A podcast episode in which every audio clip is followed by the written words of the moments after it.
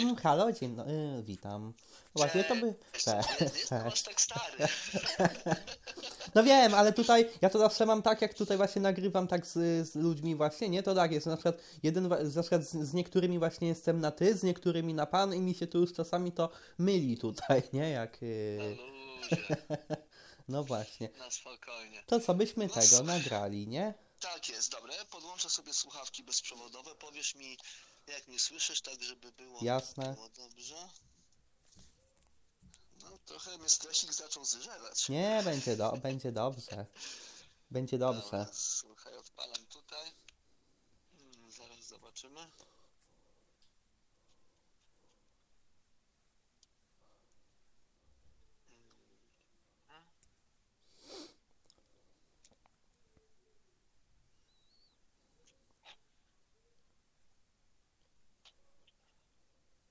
Daj mi proszę jeszcze chwilkę. Jasne.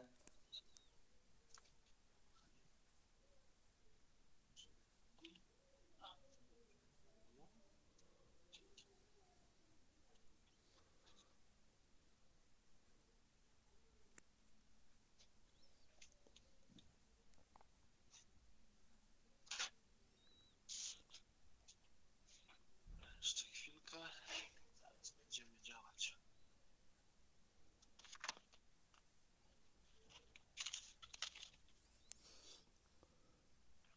Okej. Mm. Powiedz mi, czy mnie słyszysz? W porządku jest. Ja tutaj słyszę tak bez zmian, tak jak było. Nie ma nic, ten różnicy, ja tu w porządku słyszę. Okej, dobra. To jeżeli mnie słyszysz, to się bardzo cieszę. dobra. Ja jeszcze sobie tutaj tylko ogarnę. Chciałem, chciałem powiedzieć, Jezus Christ, Niemcy tyle tego narobili. Różnych No dobra. Jasne. To, Eee. tak tu, jakbym, to byśmy zaczęli, to ja bym tutaj tak z kilka sekund y, bym y, ten, tutaj chwilę tak ciszy, żebym ja wiedział, jak mam tu wyciąć ten początek, nie? Wtedy. Dobrze, dobrze. Powiedz mi jeszcze tylko taką rzecz. Eee, mogę mówić po prostu Remek? No, można, okej nie ma, no nie ma problemu żadnego. Dobra, dobra, w porządku. No bo jesteś pierwszą osobą o tym imieniu, którą poznałem, więc wolę po prostu No, bo zapytać. takie rzadkie też imię, nie? No to... Tak, bardzo, bardzo rzadkie. Przypomina mi się taki kawał na początek, na rozluźnienie atmosfery, że imię Marcin podoba się najbardziej 80% kobiet, Tak? a, A, pozosta- a pozostałe 20 nie wie co traci. no, no tak. Także tak, e, słuchaj na początek i możemy zaczynać. Jasne. No tutaj tak Dobra. mówię, kilka, tak z 10 sekund ciszy, żebym wiedział wtedy jak wyciąć i wtedy będę ten, zapowiem, nie? I lecimy. Dobra, jasne.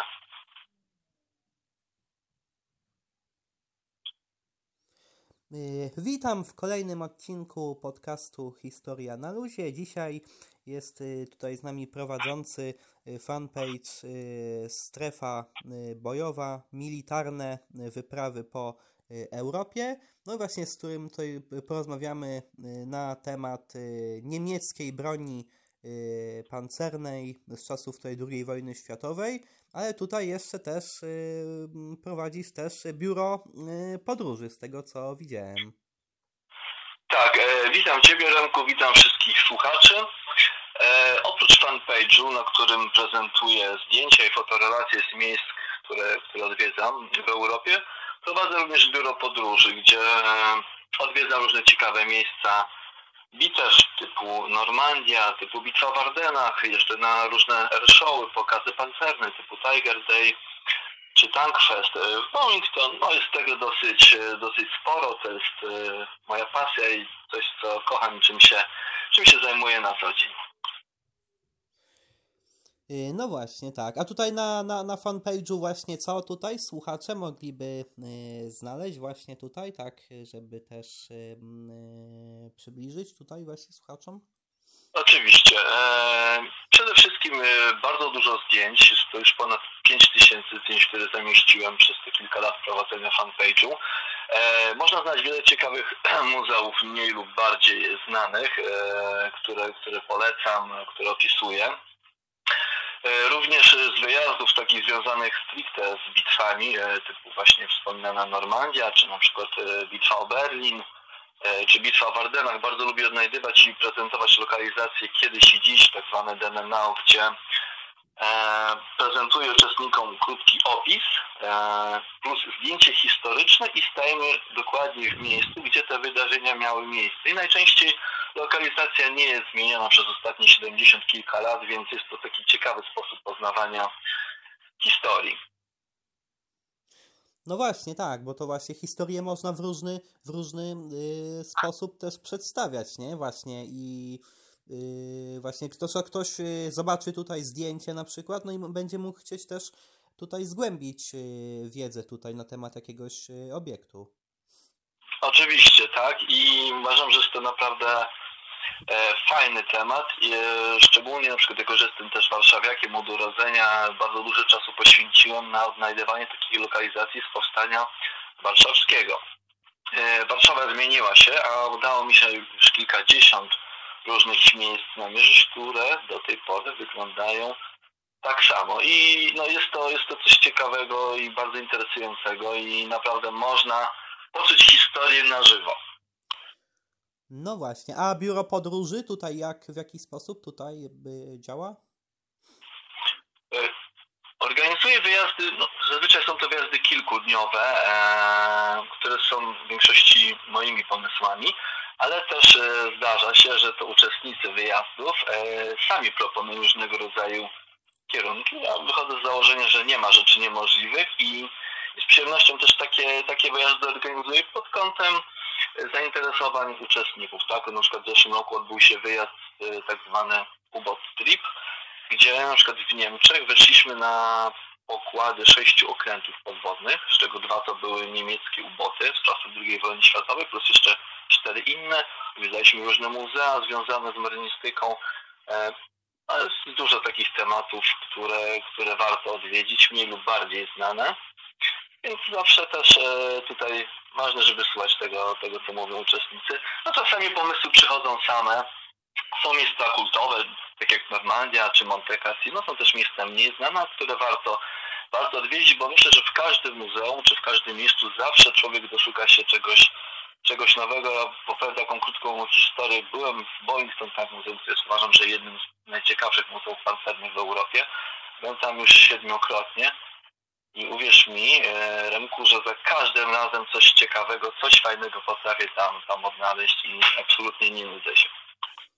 No właśnie, bo to zawsze tak, zawsze można coś odnaleźć, zawsze, zawsze jest coś, co jeszcze można zobaczyć tutaj właśnie, tylko trzeba też, no właśnie, tam y, też no, wprawne oko mieć trzeba, no i, no i też talent trochę trzeba mieć, żeby, żeby, żeby coś tutaj właśnie yy, znaleźć, nie? Jeszcze.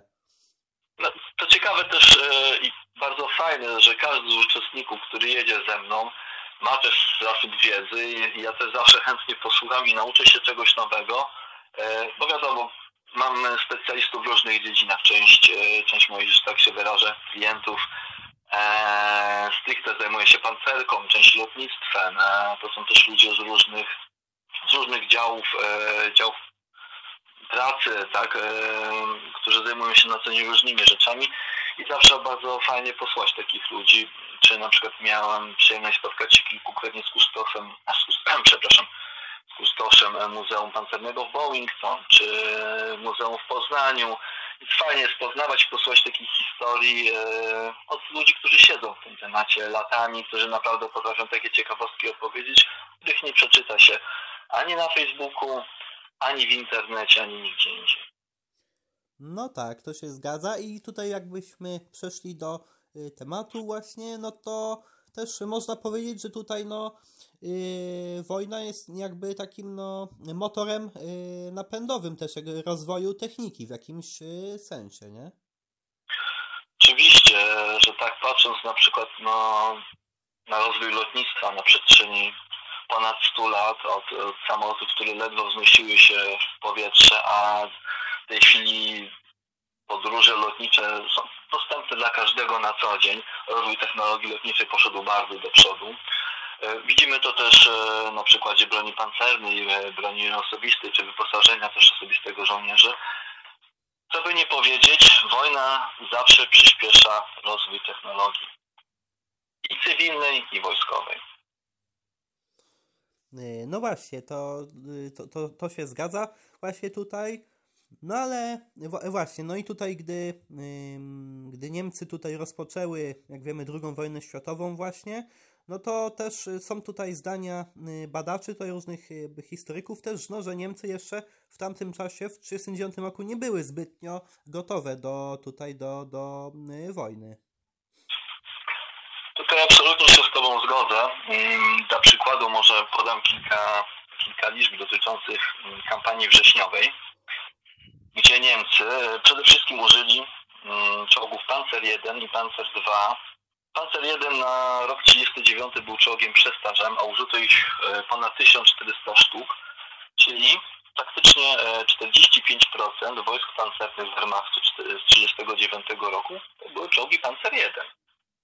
Do tego można dorzucić 1223 około czołgi Panzer II i niecała setka Panzer III, około 211 czołgów Panzer IV. To tak naprawdę to Panzer III i Panzer IV czołgi, które były nowoczesne już na owe czasy, bo ich tak naprawdę garstka. Ale siła, siła niemieckich wojsk pancernych, e, tak zwana no, też taktyka Blitzkriegu, czyli współdziałanie ścisłe czołgów, lotnictwa, etc., no, przysporzyły Niemcom e, wiele sukcesów przez pierwsze kilka lat wojny. E, no właśnie, tak, to, no tak, ale też, ale też warto tu zauważyć, że właśnie no, e, gdy trwała właśnie kampania w Polsce, no to Hitler chciał tutaj, gdy Hitler chciał po zakończeniu kampanii w Polsce przerzucić swoje wojska już tutaj, żeby, żeby na zachód Europy, żeby, żeby dalej prowadzić działania wojenne, ale dowódcy y, odradzili to Hitlerowi, no bo jednak tutaj y, wojska niemieckie no, odniosły tutaj straty podczas kampanii wrześniowej. Tak, to może podam taką ciekawostkę dotyczącą akurat Pancera 1. E, na 1400 czołgów użytych podczas kampanii wrześniowej straty bezpowrotne to było około 100 pojazdów. Zaś około 400 zepsuło się z różnych przyczyn. Więc tak naprawdę jedna trzecia tych pojazdów odpadła po kampanii wrześniowej, która trwała raptem troszeczkę ponad e, miesiąc, e, co po prostu pokazało, że Panzer 1 i Panzer 2 są tak naprawdę czołgami jeszcze niegotowymi e, do walki. Załogi też oczywiście były zmęczone. No jest wiele czynników, które spowodowały, no akurat tutaj zgodzę się z niemieckimi generałami, żeby odłożyć ten atak na przyszły rok z perspektywy gospodarczej oczywiście Niemcy e, nie mogły wygrać II wojny światowej, e, ponieważ no, nie miały zasobów, więc zależało Niemcom i Hitlerowi na tym, żeby osiągać zwycięstwa szybkie, tak żeby maksymalnie tutaj swoje siły skumulować, zaatakować, zdobyć e, kolejne tutaj miejsca, zasoby, etc. i dzięki temu mogli dalej kontynuować wojnę. No właśnie, tak, yy, zgadza się właśnie. A jak tutaj wygląda, a na przykład, no i też, yy, też tutaj, no, yy, a, a, jak na przykład wyglądało tak, takie jakby, no, y, z, zestawienie jakby tutaj broni, y, broni niemieckiej tutaj, a, a, a broni y, polskiej. Chodzi mi po prostu o to, czy, czy Niemcy po prostu mieli broń nowszą, czy jak to wyglądało na przykład? E, ja może e, Pozwolę sobie tutaj e, zacząć od takiego cytatu związanego z Panzerwaffe i kilka zdań opowiem i zaraz przejdę do, do Twojego pytania, Remku. E, więc e, zacznę od postaci Heinza Guderiana, który uważany jest za ojca niemieckiej broni pancernej. Tutaj przytoczę taki cytat wspomnianego generała. W 1929 roku ostatecznie nabrałem przeświadczenia, że czołgi nigdy nie odegrają decydującej roli na, poli, na polu walki, jeżeli zostaną użyte w ścisłym współdziałaniu z piechotą. Moje studia nad historią militarną, ocena wielkich ćwiczeń w Wielkiej Brytanii, nasze własne doświadczenie z makietami czołgów przekonały mnie, że czołgi mogą wykorzystać swoje niezwykłe walory tylko wówczas, jeżeli będą za nimi podążać wybrane inne rodzaje broni wsparcia, z których asysty czołgi były uzależnione. zarówno oddziały pancerne, jak i te jednostki wsparcia muszą się oznaczać podobną szybkością i manewrowością w terenie. Czołgi muszą stanowić szpicę, a wszystkie inne rodzaje wojsk podążać za ich śladem. Nie należy przydzielać czołgów do jednostek dywizji piechoty, to trzeba zorganizować pancerdywizjonem, dywizje pancerne, całą bronią wsparcia potrzebną do prowadzenia skutecznej walki. Czyli to, o czym mówi Heinz Guderian, czyli nagromadzenie w punkcie ataku dużej liczby czołgów e, do przełamania wrogich pozycji. Jest to oczywiście ściśle związane z taktyką Blitzkriegu. Sunięcie czołgów naprzód, a piechota e, plus pozostałe wojska wsparcia miały tutaj dokończać e, dzieła i po prostu niszczyć albo zamknięte w kotle, albo odcięte od, od własnego zaopatrzenia wojska wroga. Teraz odpowiem na Twoje pytanie co do kampanii wrześniowej. W mojej opinii Polacy no, byli średnio przygotowani tak naprawdę do e, kampanii wrześniowej. E, nasze lotnictwo, e, nasze samoloty, nie ukrywajmy, e, w porównaniu do, do niemieckiego lotnictwa prezentowało się dość słabo. Nasz PZL-11, wspaniały samolot, przestarzały jak na tamte czasy. Łoś, e, tak uwielbiany przez, przez wiele osób. Nie każdy o tym wie. Ciekawostką dotyczącą, dotycząca Łosia jest to, że Łoś miał świetny udźwig, ale pod warunkiem, że startował z lotnisk o twardym podłożu. W przypadku startowania z lotnisk e, z podłoży miękkich, lotnisk polowych, jego udźwig zmniejszał się prawie o połowę. Niestety e, jeżeli nasze dowództwo wysyłało na przykład eskadry łosi, najczęściej było to 5 do 10 samolotów, więc taka liczba nie mogła zatrzymać e, kolumny niemieckiej. Niestety tutaj jest wiele czynników, które, które sprawiły, że no, kampania w Polsce zakończyła się tak, jak zakończyła. Jeżeli chodzi o nasze uzbrojenie przeciwpancerne i wojska pancerne. Armatka Boforsa e, była w stanie 3,7 cm, była w stanie przebić każdy nie, pancerz każdego niemieckiego czołgu podczas kampanii wrześniowej, poczynając od pancer 1, kończąc na pancer 4 i wczesnej wersji, który miał jeszcze dość cienki pancerz. Czołg 7 TP mógł również jak najbardziej e, tutaj e, to, e, mógł walczyć na równi e, niemieckimi pojazdami. E, również e, nasz słynny tajny UR był w stanie spokojnie przebić e, pancerze niemieckich czołgów. Najważniejsze w tym wszystkim jest zgranie różnych komponentów, tak? Mówimy tu też o poziomie stricte operacyjnym, już nawet, nawet strategicznym. No niestety nasze dowództwo popełniło kilka, kilka błędów. No, kampania wrześniowa skończyła się tak, jak się skończyła, ale mógłbym tutaj śmiało powiedzieć, że na niektórych polach e, nasz rodzaj uzbrojenia był na tym samym poziomie uzbrojenia co niemieckie. Zawiodła taktyka, zawiodło dowództwo.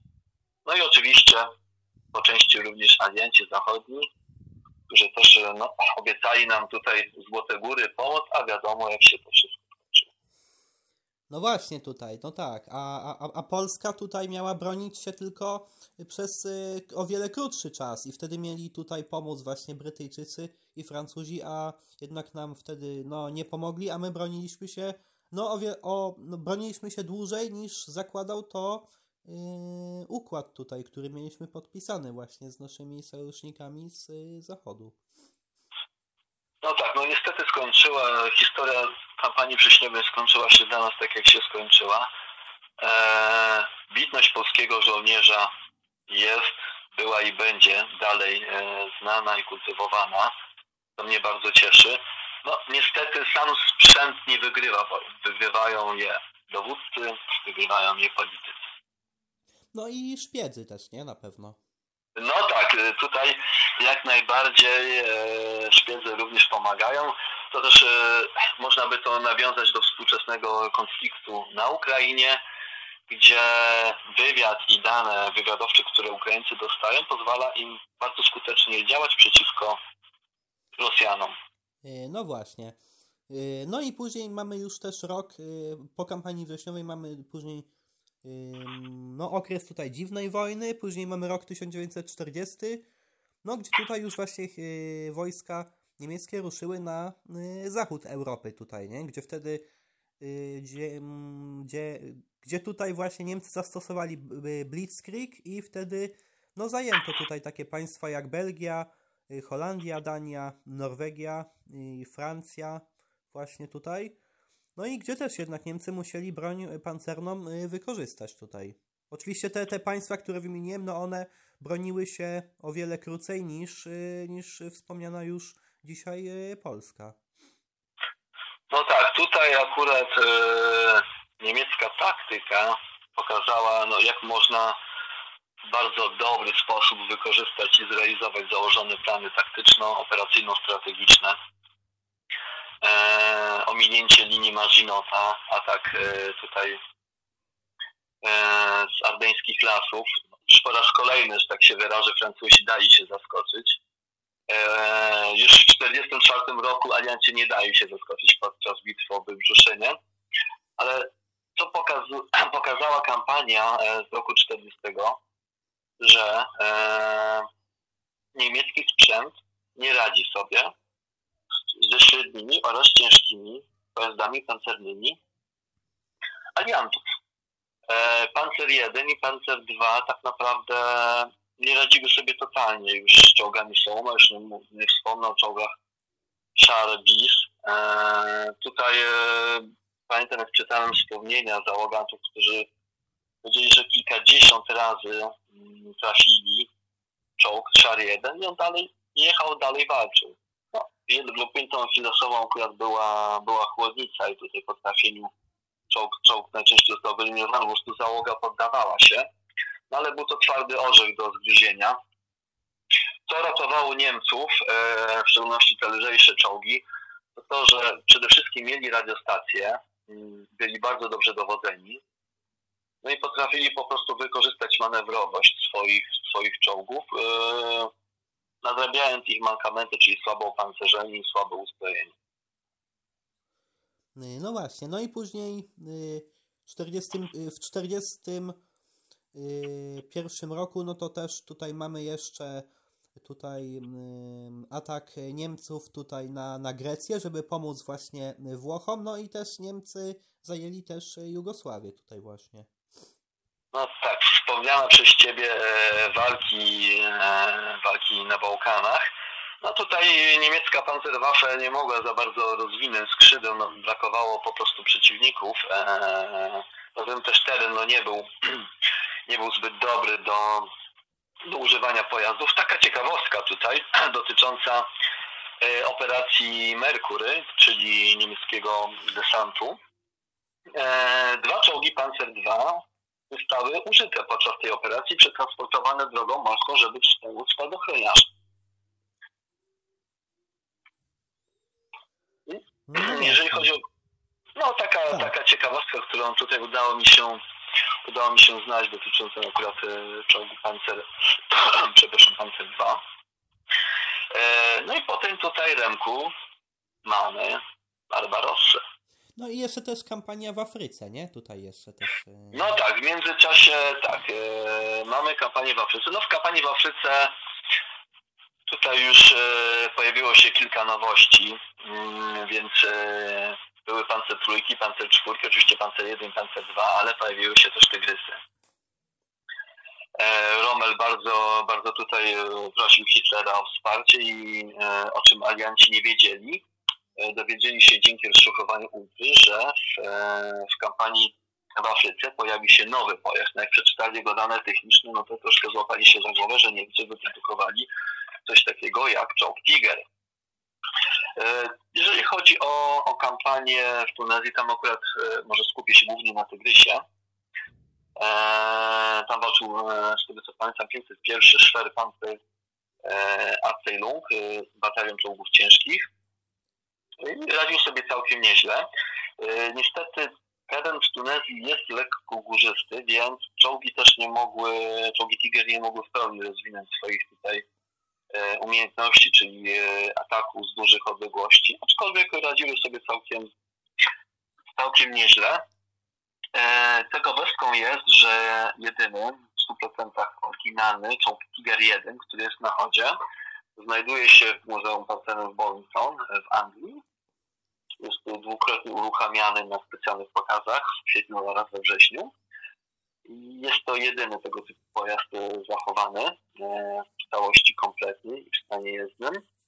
I został właśnie przejęty podczas kampanii w Tunezji. To jeszcze nadmienię, czołgów Tiger zachowało się na świecie 7 sztuk w całości. Mm, myślę, że za jakiś czas, myślę, że około dwóch lat, mam nadzieję, że pojawi się w Polsce również czołg Tiger 1 w stanie jest. No, no właśnie, tak. No i tutaj, właśnie tak też, no i właśnie, później mamy kampanię, przepraszam, później mamy kampanię właśnie tutaj, operację Barbarossa, gdzie tutaj właśnie, no, yy, gdzie tutaj już, no, Hitler oczywiście liczył, że uda mu się szybko zająć Związek y, Radziecki, no ale jednak tutaj metoda Blitzkriegu tutaj zawiodła ze względu po pierwsze na uwarunkowania terenowe yy, w Związku Radzieckiego, no i też ze względu na yy, warunki yy, pogodowe. No tutaj jednak ta, ta rosyjska zima tutaj no, ma wielki wpływ na, na działania wojenne prowadzone na tamtym terenie. Tak, Remku, tutaj absolutnie się z Tobą zgodzę. No, odległości w Rosji, nie ukrywajmy, to nie jest Europa Zachodnia, gdzie ma się do przejechania maksymalnie kilkaset kilometrów. Tutaj no, logistyka, partyzanci, pogoda zrobiły swoje. Nie ukrywajmy też, że Niemcy nie byli przygotowani e, i wojska lądowe, i wojska pancerne na nastanie takiej zimy.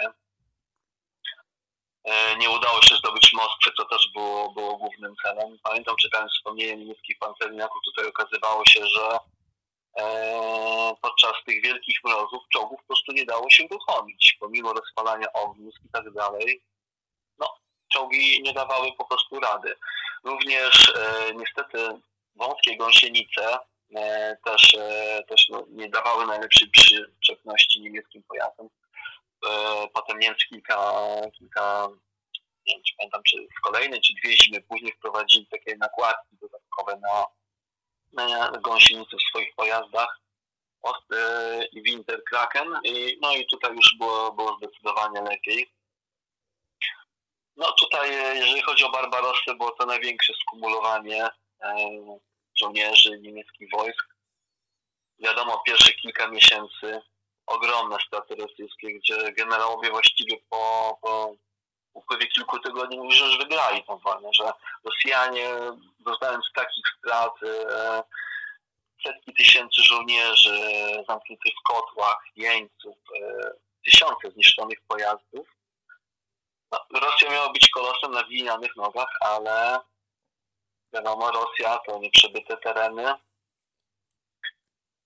Miliony, miliony ludzi, którzy, którzy mogli pójść walczyć na front oraz no, Rosjanom udało się przenieść praktycznie cały swój przemysł ciężki na wschód, za Ural i tam dalej produkować swoje pojazdy. No nie, Niemcy niestety tutaj przeliczyli się do wielu aspektów. No, już wiemy, jak potem się to wszystko dalej, dalej skończyło. E, jeszcze co ciekawe, podczas operacji Barbarossa e, duża większość niemieckich pojazdów to były czołgi jeszcze Panzer 1, Panzer 2, również były zdobyte czołgi e, czeskie, czyli e, model 35 i 38.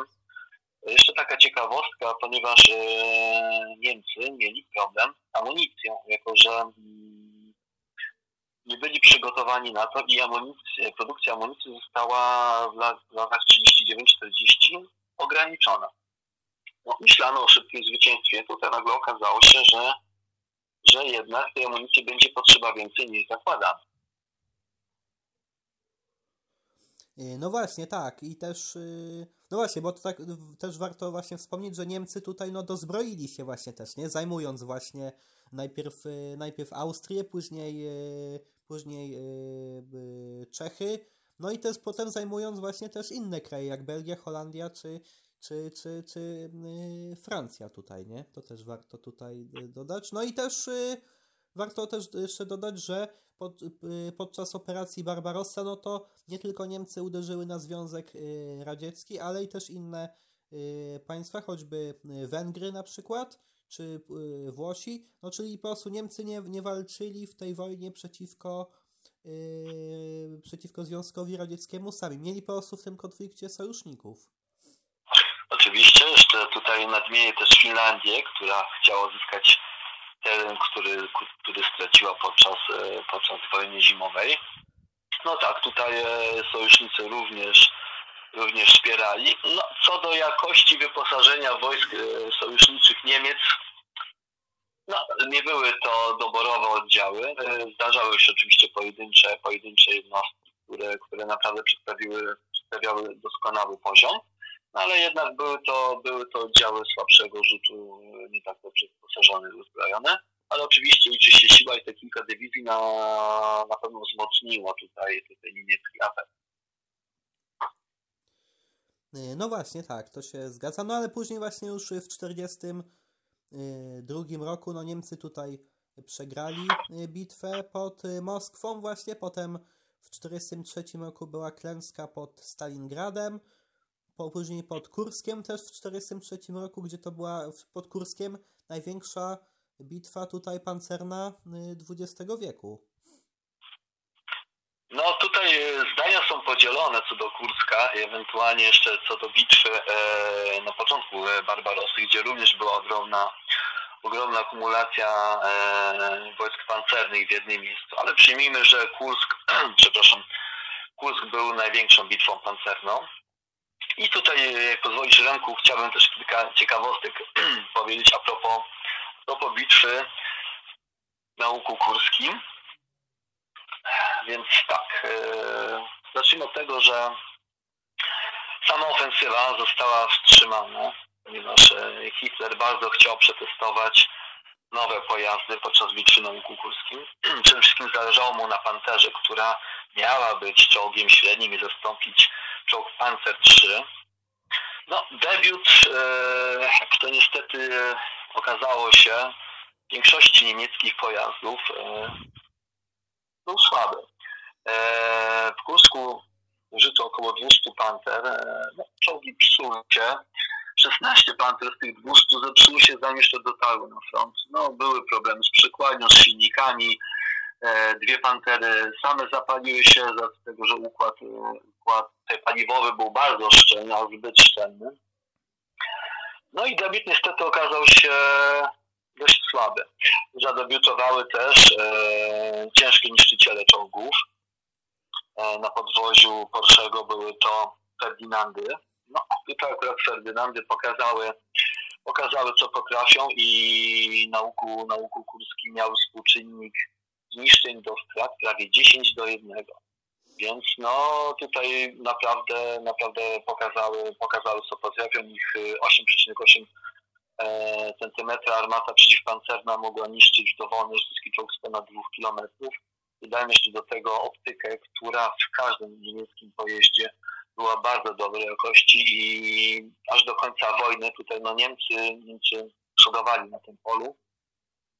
E, więc akurat tutaj Ferdynandy, Ferdynandy pokazały na co stać. No niestety okazało się, że niezamontowania, niezamontowanie MG-34 do obrony własnej przed, przed e, piechotą radziecką no, skutkowało tym, że E, że pojazdy te były niszczone w dosyć, dosyć łatwy sposób, najczęściej właśnie przez, przez wojska naziemne. Oprócz tego no, tutaj jeszcze tygrysy też pokazały, na co, na co jest stać, ale na przykład rzadko zdarzało się, że na przykład obok siebie walczyły Ferdynandy wraz z tygrysami czy, czy panterami. Zazwyczaj były to osobne wydzielone jednostki. No i pokazuje bitwa, która tutaj Rosjanie po pierwsze mieli czas na przygotowanie się z racji tego, że ofensywa była przekładana. Dwa, mieli informacje dotyczące dokładnej daty i kierunków natarcia. No tutaj Niemcy, pomimo rzucenia naprawdę ogromnych sił pancernych, elitarnych jednostek, no, nie udało im się niestety osiągnąć wyznaczonych celów. No i wiadomo, że no tutaj operacja skończyła się w taki sposób, a nie inny. No właśnie, tak. No i później już, y, później już, no jeszcze mamy też y, tutaj okrążenie y, Leningradu, no ale później już po 1944 roku już, no jak wiemy, Niemcy byli już w odwrocie tutaj, nie? Gdzie właśnie już tutaj Armia Czerwona przesuwała się wtedy na zachód Europy. Tak, i tutaj, przepraszam, taka ciekawostka, że e, od kiedy Niemcy zaczęli wprowadzać e, czołgi ciężkie, e, czy niszczyciele czołgów, właściwie od kiedy te pojazdy były już w normalnym użyciu, to Niemcy zaczęli się cofać. Taka dygresja, że Niemcy największe sukcesy w czasie II wojny światowej osiągnęli na czołgach lekkich i czołgach średnich. No tak, zgadza się. No i tak jak tutaj wspomniałeś, Remku, zaczyna się niemiecki odwrót. Jeszcze tutaj e, może opowiem kilka ciekawostek, które, które w międzyczasie działy się, jeżeli chodzi o rozwój e, niemieckiej pancerwache. No, Więc no, zaczęto wprowadzać różnego rodzaju pojazdy. Postawiono na pojazdy ciężkie. Mamy tutaj Panterę e, mamy ciężki niszczyciel czołgu jak Pantera. Powstał Tygrys, który był w 42 i w 43 roku znakomitym czołgiem. 44 tak naprawdę już e, jego blask zaczął słabnąć. E, no to co postawili zrobić Niemcy? Zrobić jeszcze większego kota, czyli powstał Tiger 2. Praktycznie używając tego samego silnika i wielu podzespołów, zrobiono jeszcze większy, cięższy czołg, który notabene no, już nie sprawdzał się tak dobrze, był bardzo drogi w produkcji, wadliwy, no, ale tutaj pojawiła się megalomania e, Hitlera, żeby powstawały większe, cięższe pojazdy. No i z tym trofem, tak, e, właśnie powstała jak Pantera, powstał jak Tiger, czyli już w ogóle waga ciężka i ponad 70 ton i E, armata kalibru 12,8 cm, no po prostu potwór, e, którego właściwie praktycznie żaden most w Europie nie mógł utrzymać. E, drogi w produkcji, wadliwy, ale no, na tym się nie skończyło. Nie wspomnę już tutaj o, o, o Mausie, no bo to już w ogóle projekt, który nie powinien powstać, marnotrawienie sił i środków, no ale wiadomo, tutaj pojawiła się megalomania, wszystko miało być duże i ciężkie, ale też, e, czego nie można Niemcom zarzucić, potrafili oni wykorzystywać e, wiele pojazdów i koncepcji w bardzo dobry sposób. Kiedy zaczęto już zmniejszać produkcję czołgu Panzer III, Niemcy pomyśleli, ok, mamy dobre podwozie, które się sprawdza. E, można wykorzystać je i zwiększyć produkcję dział samobieżnych. E, i więc zwiększono produkcję sztugów, które notabene już, no, już były produkowane praktycznie od początku I wojny światowej. No i dzięki temu powstał koń roboczy sił pancernych Wehrmachtu, czyli sztuk 3, no i kilka, kilkaset sztugów 4. No sztuk 3 tak naprawdę taka ciekawostka, e, ma na swoim koncie najwięcej zniszczonych czołgów wroga. Nie tygrysy, nie pantery, nie żadne inne niszczyciele czołgów, tylko właśnie sztuk 3. E, co ciekawe, no tutaj wyprodukowano ich 11 558 sztuków, 3 i 4. E, no jest to potężna ilość. No sztuk też się rozwijał, e, zmieniał się, jeżeli chodzi o jego użycie. Na początku były przydzielane do jednostek artylerii jako wsparcie piechoty 7,5 cm działem L24 kalibry E, następnie to wszystko się zmieniało, aż do momentu, kiedy zainstalowano w nim długolufowe działo uniwersalne 7,5 cm sztuk 40, L43, a potem L48. No i tutaj sztuk już e, pełniał swoją rolę jako działo, działo wsparcia i pamiętam też wspomnienia e, czy, czy zwykłych piechurów z Wehrmachtu, kiedy działo się coś złego na froncie, pojawiały się sztuki, to żołnierze wiedzieli, że będzie dobrze i że, że uda się albo zamknąć wyłom, albo, albo powstrzymać wroga. Bardzo zawsze cieszyły się na widok, na widok sztuków. E, co ciekawe, e, Pinowie zakupili od Niemców kilkadziesiąt sztuków I na chwilę obecną Finlandia ma największą kolekcję sztugów 3 na świecie. Mamy zachowanych prawie 30 pojazdów, z czego kilka w stanie jezdnym. E, kilka było używanych jako cele na poligonie. I kilka z tych pojazdów zagrało same siebie e, w fińskim filmie wojennym, nagranym kilka lat temu, gdzie, gdzie po prostu e, odrestaurowane, pomalowane e, niszczyły niemie, e, przepraszam, radziecki sprzęt wojenny podczas e, wojny kontynuacyjnej. Miałem przyjemność obejrzeć dziewięć tych sztuk, w jednym nawet siedzieć, więc e, no, nie ukrywam, że jest to fajny moment, kiedy wchodzi się do środka pojazdu, który walczył e, w czasie II wojny światowej, którego stan zachowania jest po prostu idealny. Więc no, jest, to, jest to coś, e, coś wspaniałego. Polecam każdemu. Jeszcze taka ciekawostka. A propos Sztuga 4, e, tutaj Polska może się pochwalić, ponieważ na no, 3 lub 4 ocalałem, różne słyszę. E, sztuki 4 w Polsce, na świecie mamy dwa. Jeden jest e, Muzeum Broni Pancernej w Poznaniu, które wszystkim serdecznie polecam. Poziom naprawdę europejski, świetne miejsce. A drugi jest e, świeżo odrestaurowany, bodajże w zeszłym roku, e, Muzeum w Kamiennej. Więc tutaj akurat naprawdę Polska może się poszczycić, że mamy, mamy te dwa, dwa pojazdy w swojej kolekcji. No właśnie, tak, że, że udało się tutaj je. No właśnie, że, że, że, że posiadamy po prostu tutaj te y, egzemplarze tutaj, nie? No tak, i są to perełki naprawdę na, na skalę światową. Co ciekawe, jeszcze dodam, że ten sztuk 4 e, jest w stanie jezdnym w Poznaniu. Jest lub będzie. Nie chcę tutaj słuchaczy wprowadzić w błąd, no już tak. nie pamiętam ale, ale wiem, że takie plany są. Ostatnio uruchomili Panzer 3 wersji M, jest już w stanie jezdny, więc no Poznań tutaj naprawdę robi świetną robotę i bardzo cieszę się, że to muzeum jest i działa i naprawdę mamy się czym pochwalić.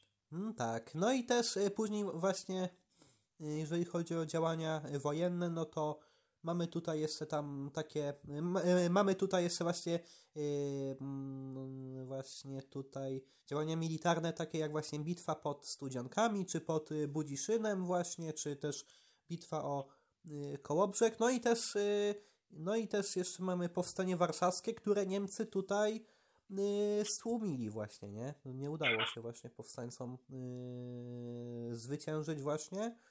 No a później już, no to już Armia Czerwona zaczęła się yy, też, yy, posuwała się po prostu dalej na, na zachód, no i mamy później bitwę o yy, Berlin w 1945 roku. No tak, bitwa o Berlin, y, tutaj już miałem przyjemność trzykrotnie zorganizować e, wyjazd związany e, z bitwą o Berlin, e, więc tutaj no, jedna z najkrwawszych operacji, e, jeżeli chodzi o front wschodni. Stalinowi zależało, aby jak najszybciej zająć Berlin. E, no, tutaj wódz trzeciej rzeczy wydawał polecenia obrony Berlina, najpierw na Odrze, na wzgórzach Silą, e, potem na przedmieściach, centrum Berlina, etc. Oczywiście było wiadomo, że nie ma szans na, na, na obronę stolicy III Rzeszy. Aczkolwiek na przykład, e, co pokazuje przykład walk o wzgórza Silą, e, tutaj e, no, Niemcy bronili się przez kilka dni, bronili się dziennie. Zniszczonych zostało tam bardzo dużo rosyjskich czołgów. A dlaczego? Padł rozkaz, że czołgi mają po prostu iść kolumną, jak najszybciej próbować przełamać niemieckie linie zostały po prostu rozstrzeliwane przez niemieckie pojazdy oraz przez armaty 8,8 czy 8,8 cm, które po prostu no, rozstrzeliwały czołg, czołg, czołg za czołgiem.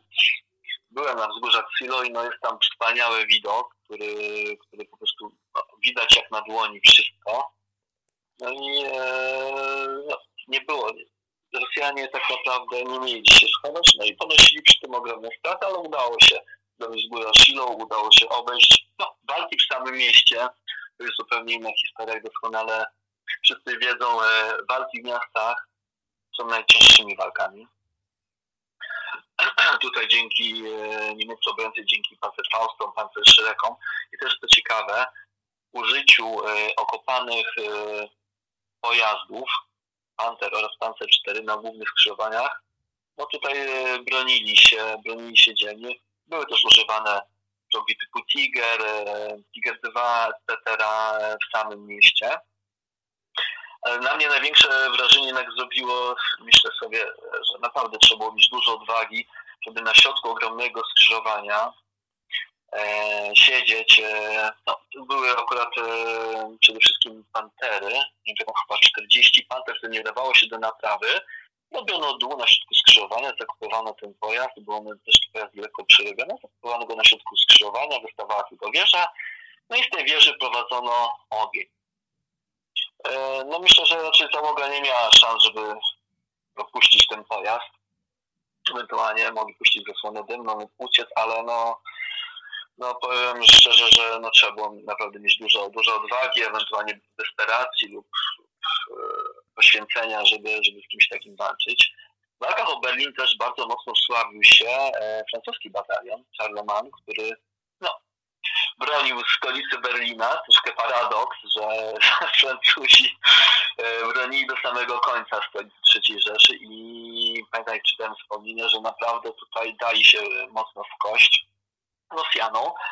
Co ciekawe też, e, w walkach o Berlin e, bardzo tutaj dużo wniosły na niektórych odcinkach frontu frakturmy wieże przeciwlotnicze, które strzelały po prostu do nadjeżdżających czołgów w sąsiednich dzielnicach. Trafiły zatrzymać nawet na tarcie na jeden dzień w niektórych dzielnicach.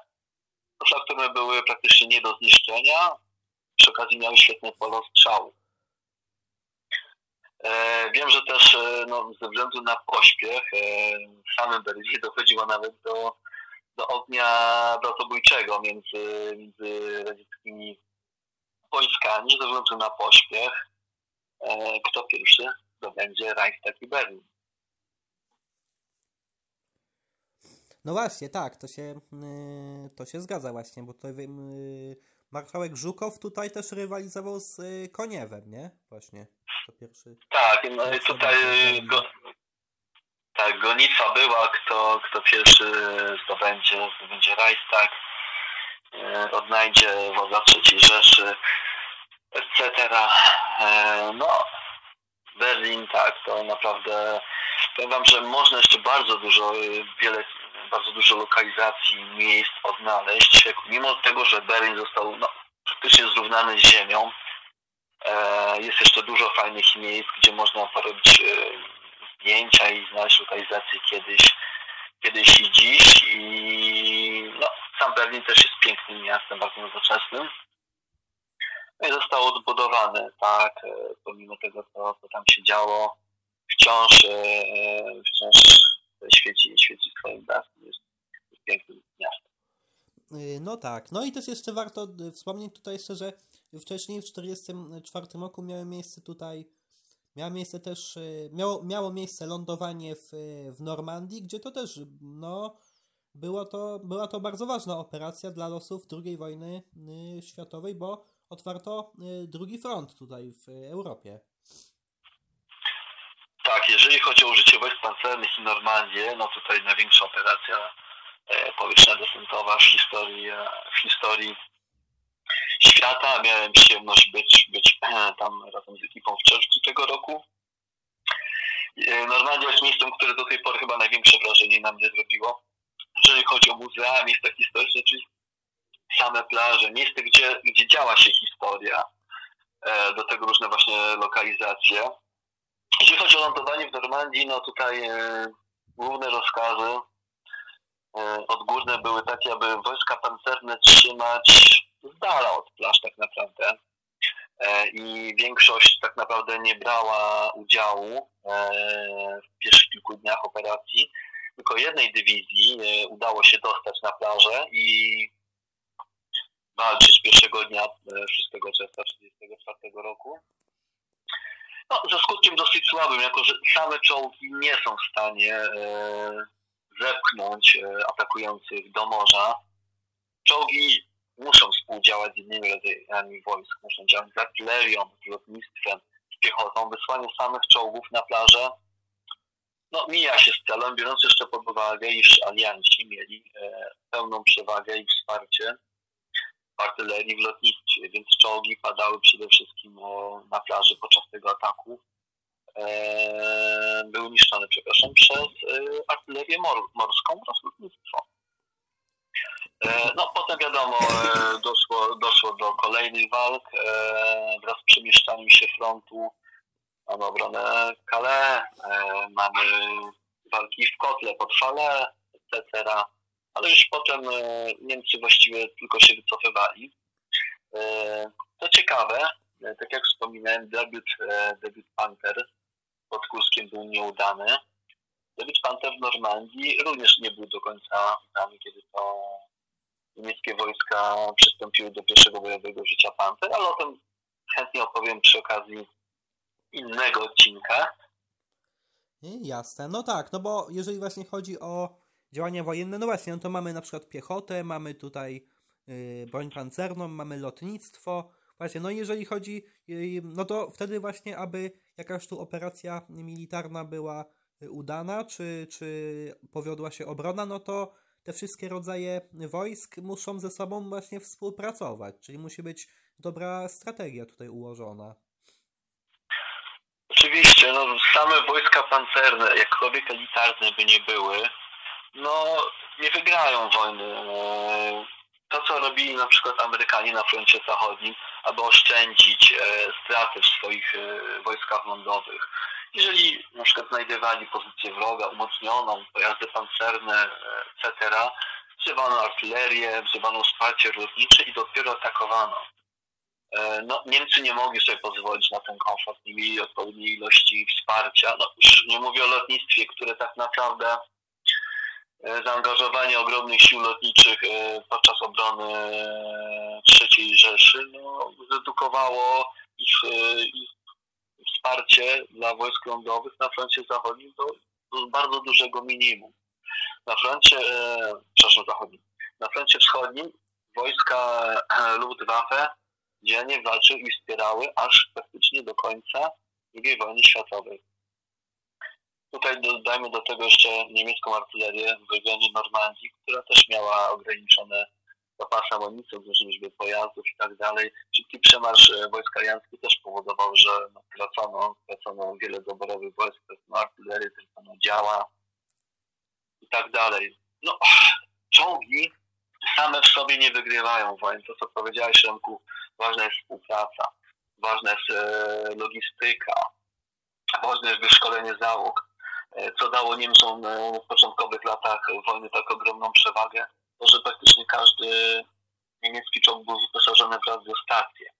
E, czy to na poziomie plutonu, czy to na poziomie batalionu, pułku i tak dywizji. Wszystkie te czołgi mogły porozmawiać ze sobą, działać e, na żywo, e, zmieniać kierunki latać, etc. Byliśmy na przykład na, na wojska radzieckie w 1941 roku. Załogi te 34 używały chorągiewek do komunikacji. Rzadko który czołg był wyposażony w radiostację.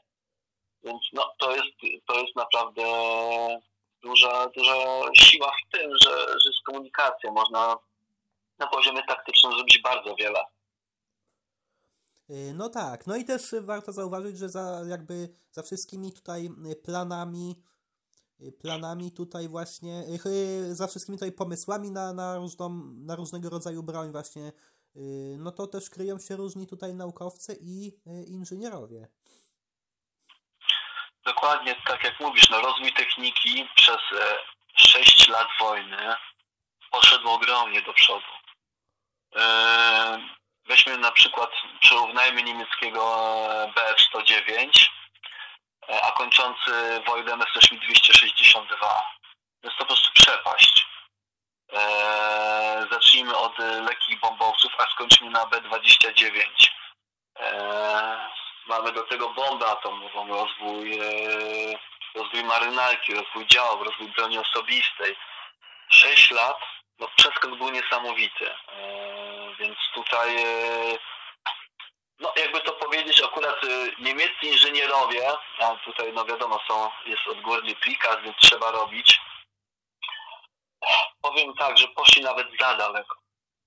Na przykład jeżeli chodzi o Panterę, mm, jest to jeden z moich ulubionych czołgów. Myślę, że gdyby był konkurs na to, który czołg jest najładniejszy, to Pantera miałaby miejsce no, na podium albo w pierwszej trójce na pewno. E, na przykład co do Pantery, no czołg na papierze prezentował się super, jego poszczególne parametry, tak spojrzeć, ktoś powie wow, świetny pojazd. Ale Pantera była takim inżynierskim majstersztykiem. Jeżeli wygrywa się wojnę i ma się czas, zasoby, to ten pojazd był rewelacyjny pod wieloma względami. Ale był bardzo skomplikowany. E, wymiana czy naprawa części, były problemy logistyczne i techniczne, e, były problemy z przekładniami bocznymi, był bardzo niski res, 150 do 200 kilometrów. E, żeby zdjąć któryś z kół, no to trzeba było wymontować dwa rzędy poprzednich.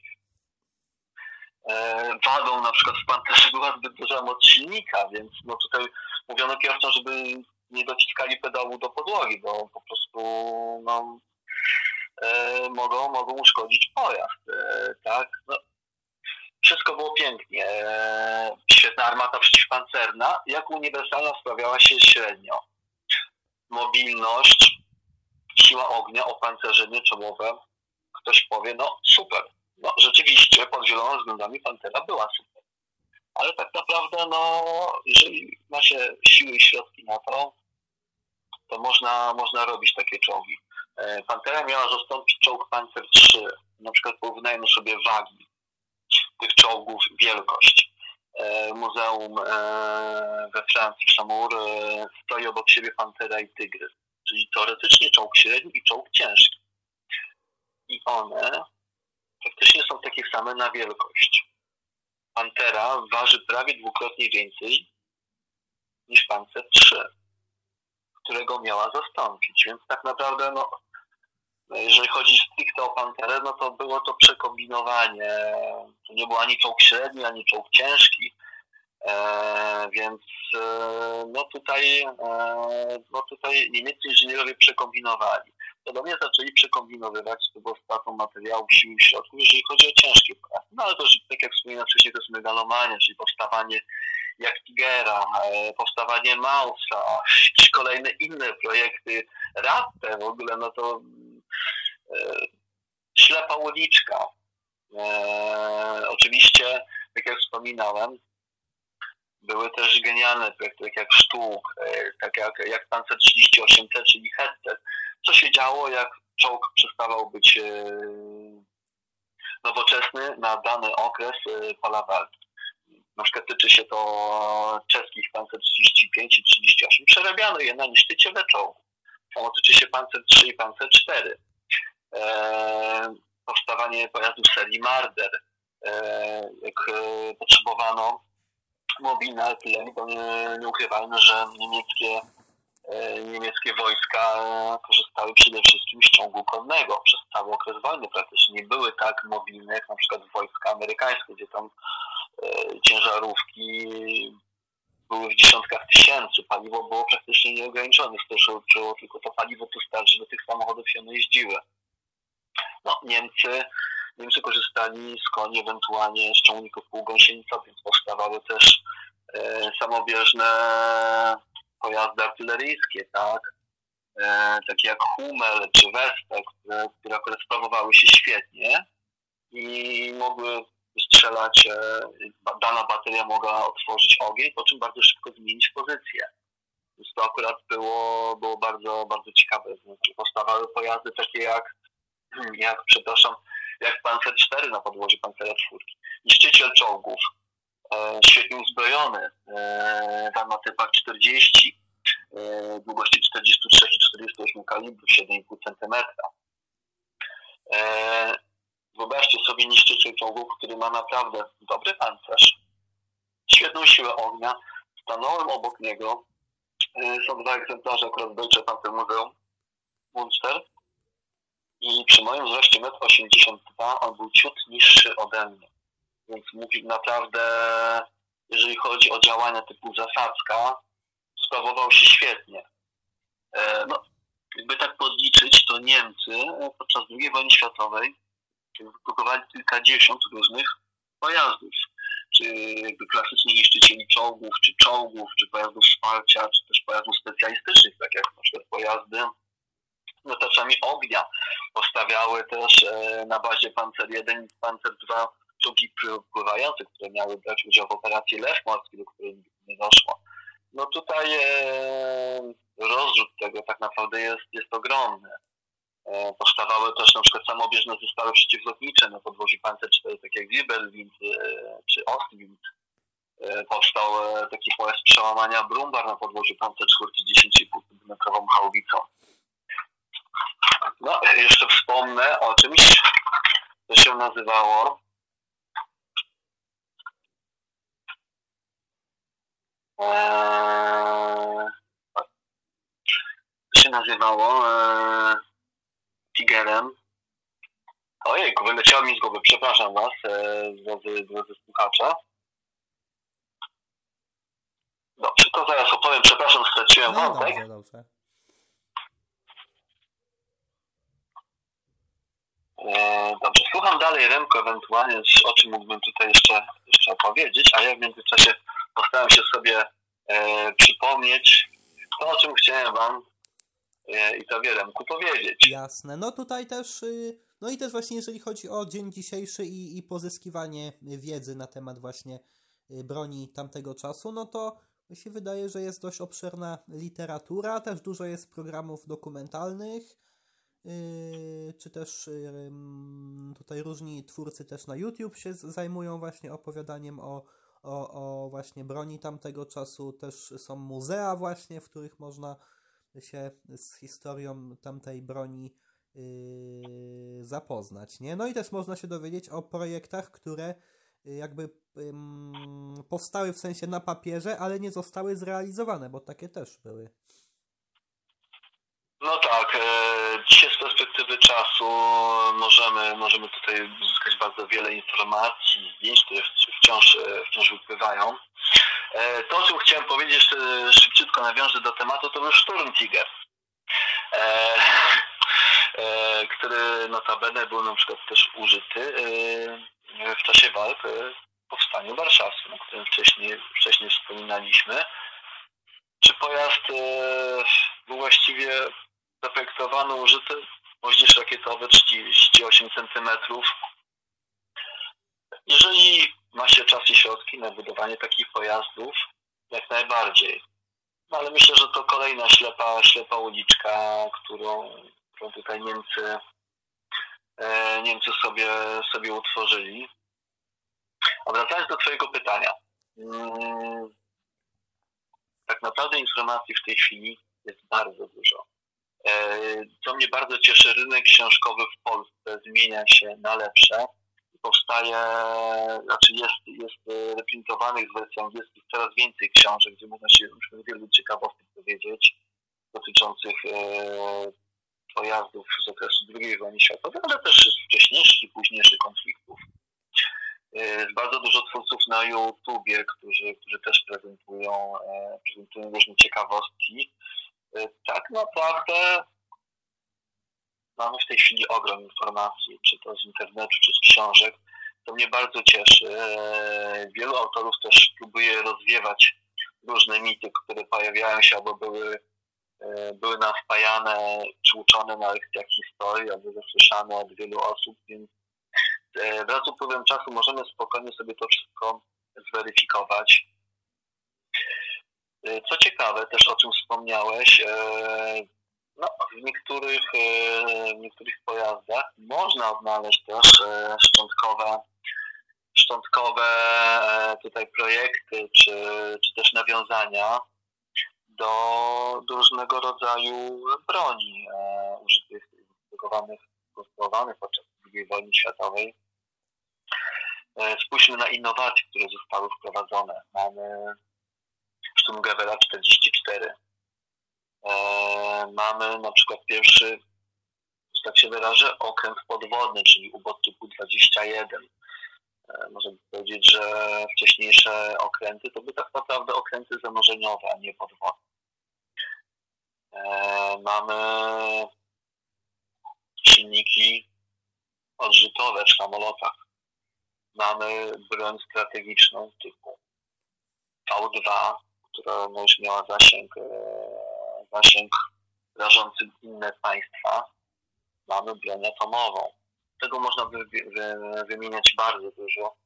I no, technika poszła bardzo do przodu. Zresztą spójrzmy, co się dzieje teraz. E, mamy drony, mamy, e, mamy satelity. To wszystko, rozwój techniki idzie mocno do przodu.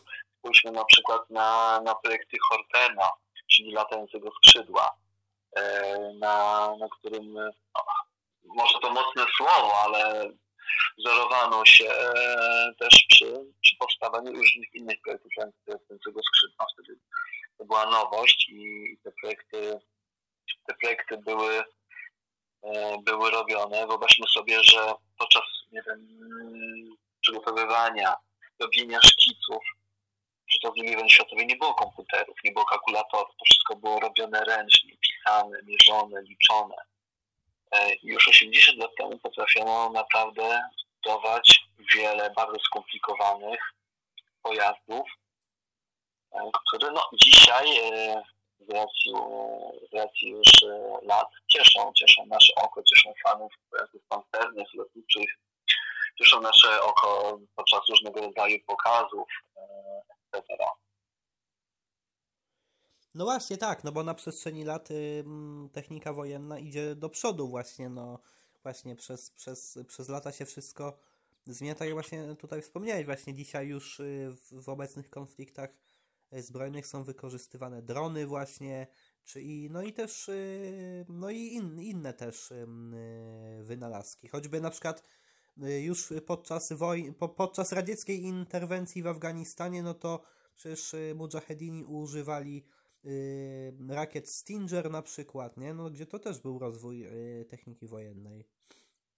No tak, e, tutaj e, podałeś świetny przykład, gdzie naprawdę niewielki oddział pluton piechoty miał e, wtedy bardzo dużą siłę ognia i mógł, no nie ukrywajmy, że rosyjskie lotnictwo mocno dawało się w kosz mujahedinom, no dzięki Stingerom, no to oni Rosjanie musieli troszeczkę spuścić z tonu i stali się już bardzo uważni, e, jeżeli chodzi o używanie lotnictwa podczas walk w Afganistanie. Świetny przykład. Spójrzmy teraz e, na to, co się dzieje na Ukrainie, gdzie pluton piechoty, mając do dyspozycji na przykład wyrzutnie Javelin czy innego rodzaju wyrzutnie przeciwpancerne, E, wyrzutnie przeciwlotnicze do broń, e, broń osobistą żołnierzy potrafi naprawdę napsuć dużo krwi oddziału przeciwnika. E, no właśnie, tak. Zgadza się. Więc teraz no, od czego się odchodzi? W czasie II wojny światowej czołgi były bardzo ważnym tutaj E, bardzo ważną częścią e, machiny wojennej, dzięki której no, e, można było przejmować pozycję wroga, atakować, etc. Na chwilę obecną, w moim mniemaniu, ważność czołgu jako narzędzia na polu bitwy bardzo spadła. Ponieważ, tak jak wspomniałem przed chwilą, pojedynczy żołnierz jest w stanie naprawdę zniszczyć kilka pojazdów. Grupa żołnierzy uzbrojona w Javeliny naprawdę może, może tutaj e, niszczyć kilka pojazdów wroga w przeciągu zaledwie kilku minut. Dajmy do tego jeszcze drony, które też dają świetne rozpoznanie pola walki. No i okazuje się, co pokazują właśnie walki na Ukrainie, że czołgi zaczynają powoli odchodzić do lamusa. No właśnie, tak, to się, to się zgadza. Czy tak samo na przykład, no, Yy, dajmy na to, pierwsza wojna światowa była wojną yy, pozycyjną, gdzie tutaj w, żołnierze bronili się w okopach, a teraz działania wojenne wyglądają już zupełnie inaczej właśnie. No tak, e, tutaj e, wszystko się zmienia i będzie się zmieniało. E, powstają już bezzałogowe pojazdy, czy to, czy to pojazdy latają, maszyny latające, czy, czy pojazdy naziemne, roboty, więc no, myślę, że jest kilka filmów, które mniej więcej pokazują zarys, jak będą wyglądały współczesne konflikty zbrojne. technika idzie do przodu i tak naprawdę, e, jeżeli chodzi na przykład o temat lotniczy, e, w tej chwili dla konstruktorów samolotów bojowych największym ograniczeniem jest człowiek, pilot, który nie jest w stanie znosić przeciążeń, e, do których są zdolne różnego rodzaju samoloty. Więc no myślę, że tutaj człowiek będzie, będzie powoli tym ogniwem, które będzie wypadało z konfliktu zbrojnego. Weźmy na przykład taką ciekawostkę, jeżeli chodzi o użycie e, bezzałogowych dronów, na przykład w Afganistanie. Piloci tych dronów siedzą sobie oddaleni tysiące kilometrów w Stanach, bazie, bezpieczni, w kontenerze. Siedzą w kontenerze, pilotują tego bezzałogowego drona e, takim padem jak od konsoli Xbox i, i po prostu są w stanie działać e, na poziomie, na poziomie operacyjnym swoje wojska. Spójrzmy, jak ta technologia poszła do przodu, tak? E, więc e, tak naprawdę niedługo konflikty zbrojne będą, nie będą już udziałem tak wielkiej ilości ludzi. I mam nadzieję, że nigdy do tego nie dojdzie, że nigdy już więcej nie zostanie użyta broń atomowa, bo myślę, że jeżeli zostanie użyta, to już będzie koniec dla nas wszystkich. No właśnie, no bo tak, bo wtedy bo, no, nasza planeta zostanie zniszczona wtedy. Właśnie. Tak, jak to powiedział e, pewien bardzo, bardzo znany i ceniony naukowiec, myślę, że wiele osób będzie wiedziało, o czym mowa, że e, kolejna wojna światowa będzie na kamieni i kij. Y, no tak, zgadza się. No i też, y, no i też nawet, nawet jakby y, użycie atomu, jakby nie musi, użycie broni atomowej niekoniecznie nawet musiałoby być inicjatywą jakby jakiegoś przywódcy, dajmy na to, tylko też mogłoby dojść do jakiejś awarii tutaj tych komputerów, które, które tutaj mm, no, sterują tym, to, to, tym, tą bronią właśnie. Oczywiście mogłoby dojść do schakowania, mógłby się znaleźć jeden pojedynczy e, nieobliczalny człowiek, który mógłby takiej broni użyć, no i wiadomo jak mogłoby się, mogłoby się to skończyć. No, scenariusze są różne, więc e, to jest już ostateczność i mam nadzieję, że, że nigdy taka broń nie zostanie, nie zostanie użyta właśnie. Nie tak. Dokładnie tak. No i tutaj chciałbyś jeszcze coś dodać na y, koniec? Myślę, że na chwilę obecną tutaj e, podzieliłem się tym, e, tym co wiem. E, z Tobą Remku i z Wami, e, drodzy słuchacze, bardzo Wam dziękuję za uwagę. Mam nadzieję, że jeszcze przy kolejnym spotkaniu tutaj będę mógł opowiedzieć wiele innych ciekawostek, e, czy dotyczących broni pancernej, czy jakiejś konkretnej bitwy, jeżeli drodzy słuchacze macie ochotę posłuchać o czymś konkretnym, dajcie znać. Postaram się przygotować jakieś ciekawe materiały, coś ciekawego tutaj, tutaj opowiedzieć Wam. Zapraszam tutaj też do słuchania podcastów Remka oraz zapraszam do siebie na, na strefę bojową. Ja życzę spokojnego, spokojnego dnia. Dziękuję Wam za uwagę. Dziękuję też Tobie, Remku, za zaproszenie, za to, że mogłem tutaj E, opowiedzieć, podzielić się swoją wiedzą razem z Wami. Właśnie, ja też tutaj zapraszam na fanpage e, Strefa e, Bojowa właśnie. Też dziękuję za przybycie, za, za pozytywną odpowiedź na zaproszenie, właśnie za ciekawą rozmowę, tu za podzielenie się wieloma informacjami. No i dziękuję słuchaczom za wysłuchanie dzisiejszego odcinka. Dziękuję w takim razie. Trzymajcie się zdrowi i do usłyszenia. No właśnie, ja również tutaj właśnie dziękuję i jak ja to mówię, to by było na tyle i do usłyszenia w następnym odcinku.